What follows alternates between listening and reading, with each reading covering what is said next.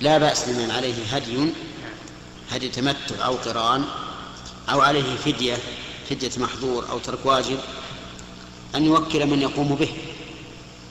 لكن بشرط أن يكون الوكيل ثقة أمينا فإذا كان ثقة أمينا فلا بأس وإلا فلا توكل. على أنه لو كان ثقة أمينا فالأفضل أن تباشره أن تباشر ذلك أنت بيدك. هذا هو الأفضل. لأن النبي صلى الله عليه وسلم ذبح هديه بيده وذبح أضحيته بيده. وإن كان قد أعطى علي بن أبي طالب أن يتمم ذبح هداياه لأن النبي صلى الله عليه وسلم أشركه في هديه.